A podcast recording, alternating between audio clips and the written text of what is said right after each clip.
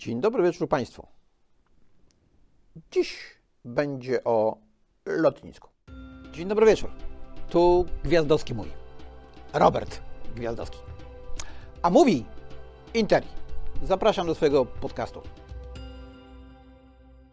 Ja się nie znam na budowaniu lotnisk. Na lotniskach i na lotniczym biznesie. I zakładam, że Państwo też się nie znacie. Aczkolwiek zakładam tak tylko i wyłącznie dlatego, że mnie słuchacie albo oglądacie, bo większość ludzi to uważa, e, że się zna. Tak przynajmniej można by było sądzić, czytając różnego rodzaju komentarze w mediach społecznościowych na temat tego, czy powinniśmy budować lotnisko, czy nie powinniśmy. Nie robiłem żadnych analiz, aczkolwiek mam takie przekonanie, że w pewnych sprawach to można zostać specjalistą góra w miesiąc. No ale po co? Po co? Natomiast ciekawa jest argumentacja, jaka wokół tego lotniska się pojawia. Więc pogadamy sobie o sposobie myślenia, budowania argumentacji. Bo pamiętajcie, że pomysł wybudowania gdzieś tam pod Baranowem jakiegoś lotniska pojawił się w czasach rządów Platformy Obywatelskiej. No ale potem przyszedł PiS. I PiS zbudował swoją narrację. Zamiast, gdyby rzeczywiście komukolwiek zależało, tak jak wszyscy deklarują, na dobru państwa, to mógł powiedzieć: Będziemy kontynuowali. Uważamy, że to dobry projekt i go zrobimy. Ale tak nie powiedział. Zbudował narrację swoją, narodową, polityczną. Bez względu na to, czy to lotnisko ma sens, czy nie ma, narracja wokół niego była polityczna. My, PiS, coś wielkiego zrobimy z powodów politycznych wielkiej Polski. Pojawiły się pomysły takie, że z tego Baranowa będzie latało 100-120 milionów pasażerów. Jakimż cudem? Niemcy musieliby spod Berlina przyjeżdżać do Baranowa, żeby lotem zamiast Lufthansa polecieć w świat. No, jak się pojawił ten pomysł budowy CPK, to był jeszcze moment, w którym Niemcy nie dokończyli swojego portu Brandenburg pod Berlinem. Można było więc mieć nadzieję i snuć takie wizje, że ten port nie powstanie, przegonimy Niemców, zbudujemy sobie swój. No ale to była głupia narracja, czysto polityczna. Gdyby dziś zależało komuś na tym, żeby zrobić coś dobrego, to mógłby powiedzieć tak.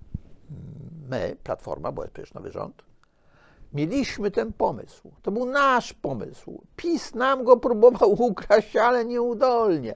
Zobaczcie teraz, co my z tym zrobimy. No i zrobić. Pod warunkiem, że się da.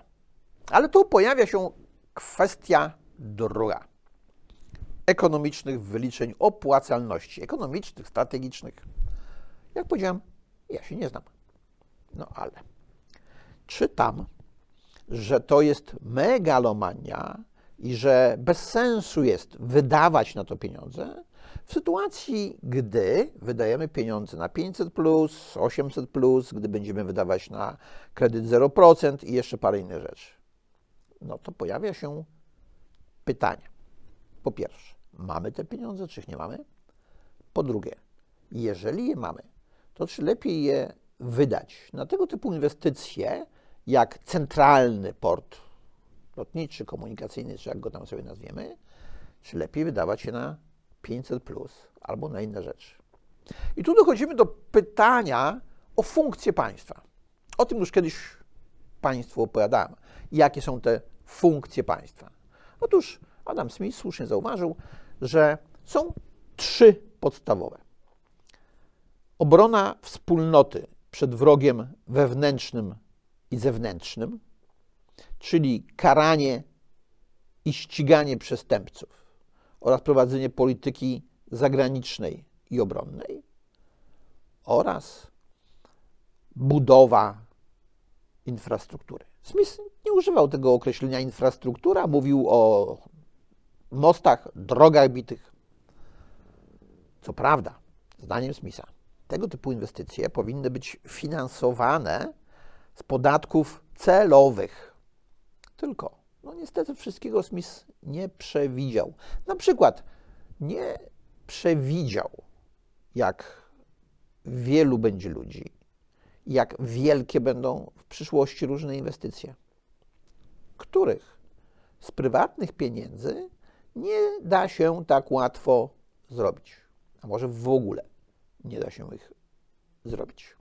I dlatego potrzebne jest działanie państwa, ale nasze państwo zajmuje się rzeczami zupełnie innymi.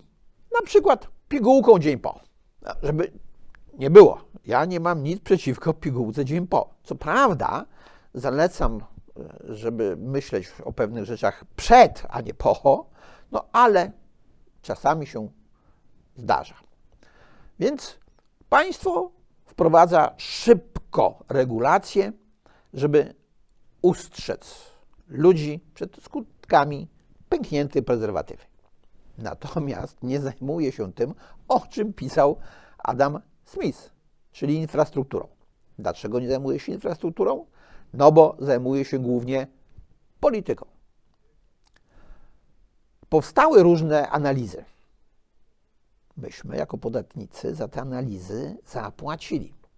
Teraz nowy rząd będzie robił swoje analizy. Do robienia tych analiz weźmie swoich analityków i zapłaci tym analitykom z naszych pieniędzy. Dlaczego mówię z naszych? Przecież ponoć rząd ma swoje. Tu zwolennicy teorii More Money Today, czyli Modern Monetary Theory, zakrzyknął, jak to? Przecież nie ma problemu z żadnymi pieniędzmi. Da się to wszystko sfinansować. No jeżeli da się to wszystko sfinansować, to jaki problem? To nie powinno być żadnego problemu i wydajmy na to 500 plus czy 800 plus i na ten kredyt 0% i spokojnie na to lotnisko. Tu pojawiają się kwestie opłacalności tego lotniska. Czy będzie wystarczająco dużo tych pasażerów, czy będzie e, wystarczająco dużo tych przelotów e, cargo, czyli tych transportowych, nie dotyczących ruchu pasażerskiego, lecz towarów. Mi się wydawało, tak na logikę, że gdybyśmy zrobili to w jakiejś współpracy z Chińczykami i wpletli to nasze lotnisko w plan tego jedwabnego szlaku 2.0, to by było rozsądniej. No ale jakoś z tymi Chińczykami współpraca nam nie za bardzo idzie. Równie dobrze takie lotnisko może się przydać Amerykanom, jeżeli chcieliby zachować swoją militarną obecność w Europie. No ale znowu, ja nie jestem generał, nie robiłem analiz, ja się nie znam. Tylko, jeżeli ktoś mówi, że takie lotnisko jest bez sensu, to co powiedzieć o tych wszystkich stadionach, cośmy je pobudowali na Euro 2012? I strasznie się cieszyliśmy z budowy tych stadionów. Więc jeżeli byśmy jednak zdecydowali się na budowę tego CPK, to żeby się budowa nie skończyła tak jak z tymi stadionami. Bo większość firm budująca te stadiony pobankrutowała. Oczywiście te największe, czyli generalni realizatorzy inwestycji, to mimo, że pobankrutowali, to jakoś funkcjonują. Najgorzej mieli ich podwykonawcy, którzy zostali oszukani przez tych generalnych realizatorów inwestycji. No i jeżeli spojrzymy sobie na tego typu argumentację, to co dostrzeżemy ze zdumieniem? No więc dostrzeżemy właśnie to, że przeciwnikami lotniska w Baranowie są zwolennicy Modern Monetary Theory. Nie wszyscy, nie wszyscy tutaj trzeba uczciwie powiedzieć, rzecznicy budowy e, stadionów sprzed 10 lat, no i rzecznicy tych 800 plus i kredytu 0%. Myślimy, proszę Państwa, w sposób taki silosowy, po swojemu. I tak naprawdę, jak prowadzimy różnego rodzaju rozważania na temat tego, czy budować to lotnisko, czy go nie budować, to powinniśmy porozmawiać o narracji gospodarczej, ekonomicznej, o sposobie jej budowania. No bo, tak jak powiedziałem, jakieś analizy już powstały, jakieś pieniądze zostały na to wydane. Teraz będą powstawały nowe analizy, pieniądze zostaną wydane, a spójrzmy na analityków. Kiedyś w moim zawodzie prawniczym było tak, że jak pisało się jakąś opinię czy analizę, która miała być wykorzystywana publicznie, a nie dla konkretnego klienta, no to trzeba było napisać tak zwane ujawnienia. No i w tych ujawnieniach przedstawić wszystkie okoliczności, które mogą wpływać na oceny przedstawione w tej opinii. Dziś tak się już w ogóle nie robi. Bo po co? No bo wiadomo, że opinię zbiera się po to, żeby przekonać opinię publiczną do swoich racji, wachlując się jakimiś opiniami jakichś naukowców. A po pierwsze, pracuje się na zlecenie. Jak się pracuje na zlecenie, to zawsze istnieje pewne niebezpieczeństwo, że będziemy ulegać zleceniodawcy. Taka cholera ludzka natura. Po drugie, nawet jeżeli wybijamy się na niepodległość intelektualną i nie piszemy tego, co chce od nas zamawiający, tylko to, co naprawdę myślimy, to mamy drugie ograniczenie. Dlaczego my tak, a nie inaczej myślimy? Więc pisząc jakieś ekspertyzy, jakieś analizy, prowadząc dyskusję o budowie CPK, powinniśmy po pierwsze wyzuć się z emocji jakichkolwiek, a po drugie wyzuć się z uprzedzeń, o co jest bardzo trudno, zwłaszcza wśród analityków, a nie naukowców. Bo kiedyś było tak, że naukowiec to siedział sobie na tej swojej uczelni i zajmował się myśleniem i pisaniem o tym, co wymyślił. Fizycy tak mają do dziś. No, co prawda, fizyka się komercjalizuje coraz bardziej, ale to właśnie historia odkryć fizyki, astrofizyki stała się ostatnio taką e, moją ulubioną e, dziedziną, którą nakładam na to, co robimy w prawie, co robimy w ekonomii. Jak wyglądają procesy myślenia? Bo na przykład taki Einstein. Taki Einstein tak się zaparł w starym przeświadczeniu, że świat jest statyczny. No to przeświadczenie miało 2000 lat. Od Arystotelesa się utrzymywało. Że jak napisał swoje równania, z których mu wyszło, że ten wszechświat to się rozszerza albo kurczy, to co zrobił? Wprowadził do tych równań stałą kosmologiczną, oznaczoną wielką literką lambda. Po to, żeby on się nie rozszerzał i nie kurczył, żeby był stały. Potem uznał to za największy błąd swojego życia, że tak właśnie zrobił. Kierował się uprzedzeniami.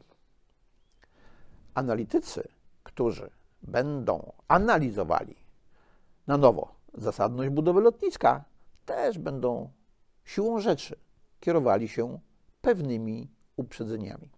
Ale nie takimi uprzedzeniami, które kierowały Einsteinem. Takimi, które są zakorzenione od 2000 lat, bo Arystoteles coś powiedział. bardzo często kierujemy się uprzedzeniami politycznymi. No niestety. Niestety. Dlatego bardzo fajnie byłoby, gdyby taki analityk w swojej analizie, w tym takim rozdziałniku pod tytułem ujawnienia, zechciał ujawnić, na kogo on na przykład głosował w ostatnich wyborach. Bo ja mam takie nieodparte wrażenie, że sposób wyborów politycznych wpływa na analizy ekonomiczno-gospodarcze. To jest bzdurą. A to jest bardzo ważne. No bo ostatnio, kilka dni temu na Twitterze, ktoś yy, z profilu oznaczonego nikiem wolnościowiec przez V zrobił taką ankietę. Tu znowu nawiązujemy do fizyki. Ankieta była taka. Czy w szkołach należy nauczać teorii powstania wszechświata katolickiego księdza Georgesa Lemaitre? No i jak Państwo myślicie? Oczywiście, że pojawiły się bardzo krytyczne oceny tego pomysłu. Jak, gdzie, co? No. Bo wiadomo, jak z PiSu, to źle. Jak ksiądz, no to na pewno bzdury jakieś napisał, nie? Cały dowcip polega na tym, że ksiądz Lemaitre to był ten pierwszy, który, e, jeden z pierwszych, bo jeszcze był e, rosyjski fizyk Friedman, zaczął rozwiązywać te równania Einsteina. No i mówi, no, ten świat się kurczy albo rozszerza. Więc mamy ekspansję wszechświata, co udowodnił swoimi równaniami. To, że potem e, Edwin Hubble udowodnił to mocniej. Ale Lemaitre, mimo że udowodnił, iż wszechświat się rozszerza, uważał, że ta stała kosmologiczna wprowadzona przez Einsteina po to, żeby on się nie rozszerzał, jest w tym równaniu bardzo przydatna, tylko trochę do czego innego. Wszyscy, którzy, fizycy, którzy już wiedzieli, że wszechświat się rozszerza, przez lata uważali, że upór Lemetra jest bez sensu, a on się jednak upierał. Więc ta teoria powstania wszechświata e, księdza Lemetra jest warta nauczania w szkołach. Ale my podchodzimy do ocen z punktu widzenia naszych własnych ocen. Więc robimy generalnie bzdurę. No i co z tym fantem możemy zrobić? No, generalnie mi się wydaje, że ośrodki akademickie działające komercyjnie jako ośrodki akademickie czasami są lepszym zapleczem intelektualnym do robienia różnych analiz niż komercyjne firmy analityczne. Bo komercyjna firma analityczna działa po pierwsze na zlecenie, po drugie, mając swoje własne interesy. Ja ciągle powtarzałem, ciągle od 25 lat, jak bierzecie jakąś firmę, no to taka niezależna firma, międzynarodowa, zawsze ma jakieś interesy międzynarodowe. Więc siłą rzeczy będzie patrzyła na to, co robi, z punktu widzenia tego, co już robiła, ale również z punktu widzenia tego, co ma nadzieję robić jeszcze w przyszłości. Bo taki naukowiec, siedzący na jakimś uniwersytecie, czy na jakiejś politechnice, czy innej szkole wyższej, no to przede wszystkim kieruje się własnym pomysłem na świat. On może się mylić. Może po pierwsze nie mieć dostatecznego zasobu informacji, a po drugie, nawet jak ma dostateczny zasób informacji, to może je źle przetworzyć. Natomiast zazwyczaj kieruje się swoją koncepcją własną, swoim poglądem na otaczający go świat, a nie jakimiś interesami. Przy czym te interesy nie muszą kierować danym analitykiem w sposób bezpośredni. To nie jest koniecznie tak, że siedzi sobie człowiek i pisze coś dla jednego klienta, żeby zarobić coś od innego klienta.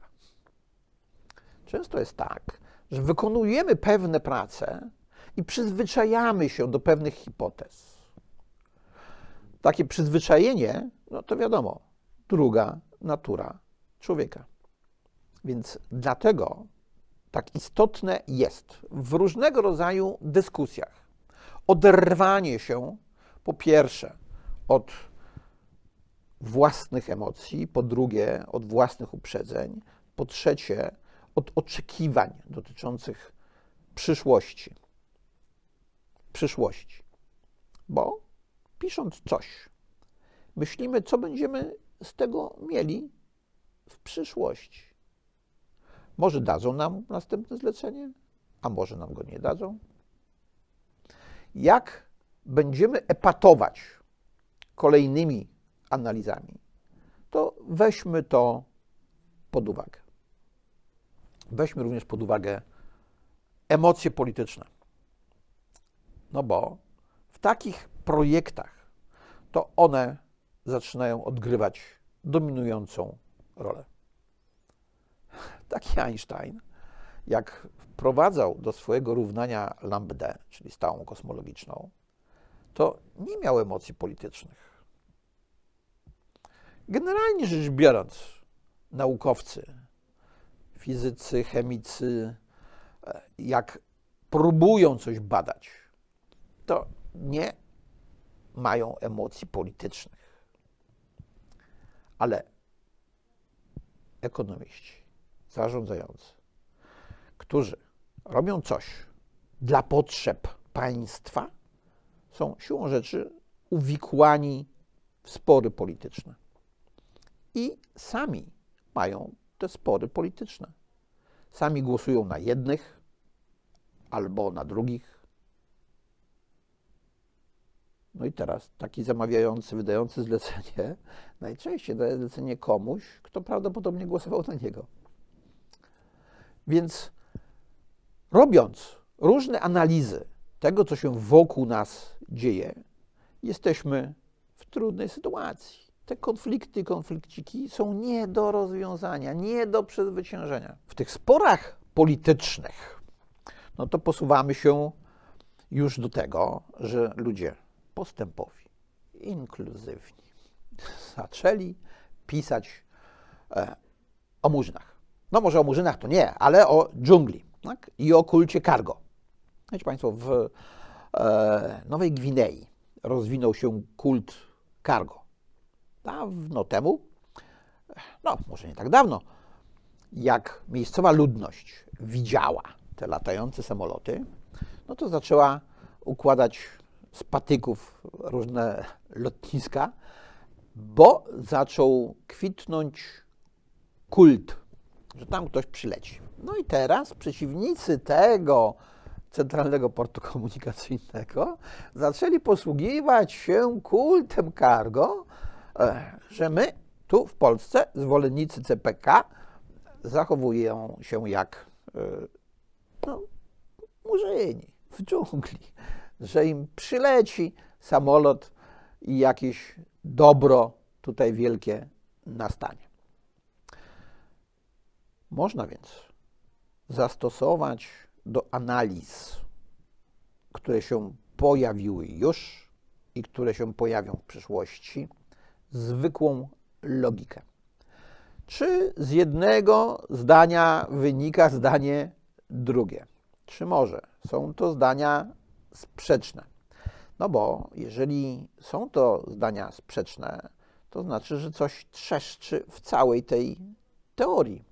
Jeżeli więc będziemy dalej dyskutować o tym, budować czy nie budować, to ja bym był za tym, żeby stosować oprócz analiz technicznych, ekonomicznych, również analizy logiczne.